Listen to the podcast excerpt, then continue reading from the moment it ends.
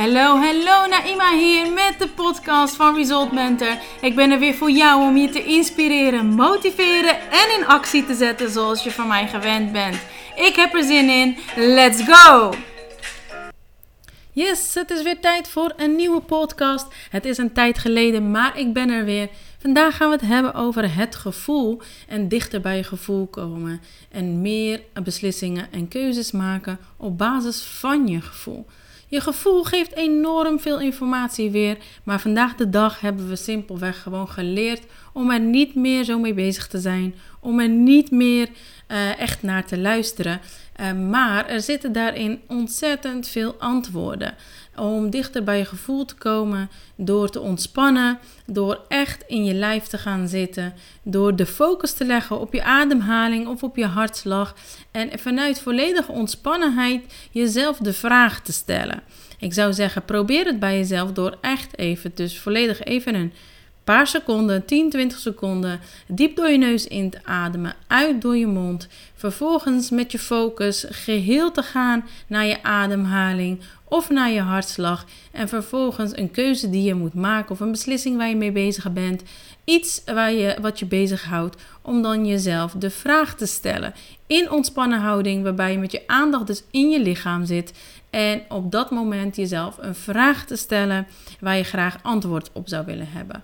En 9 van 10 keer komt eigenlijk het antwoord direct op. Alleen vaak is het ook weer zo dat we het weg gaan wuiven en denken: nee, nee, nee, het zal wel niet zo zijn. Maar ja, ja, het is dus wel vaak het juiste antwoord. Net zoals we vroeger bij examens altijd geleerd hadden dat het juiste meerkeuzeantwoord, wat in eerste instantie in je opkwam, het juiste uh, is. Dat is zo ook eigenlijk met je gevoel zo.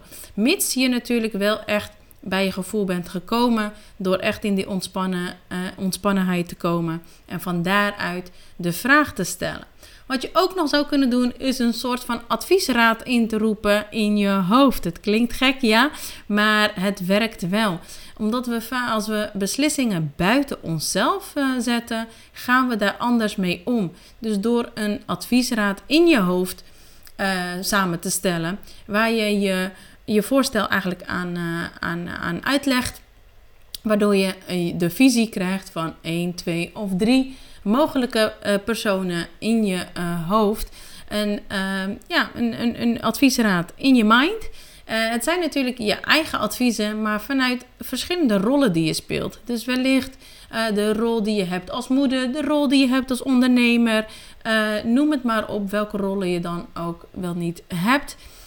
Van daaruit kun je ook vaak antwoorden krijgen waar je in eerste instantie niet direct op komt, omdat je simpelweg niet naar jezelf luistert.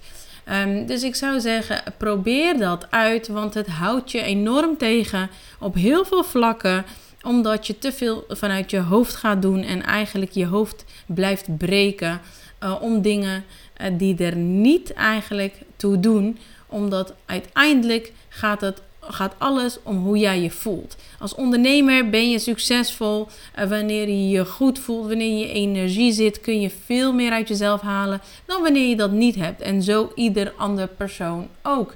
Op het moment dat je eigenlijk alleen maar op automatische piloot aan het werk bent, werkt het niet.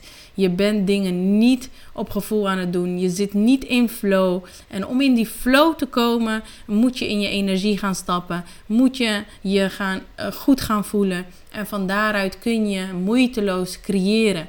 Dus ik zou zeggen, probeer het. Laat me weten wat het voor jou doet en of je op je antwoord bent gekomen waar je naar op zoek was.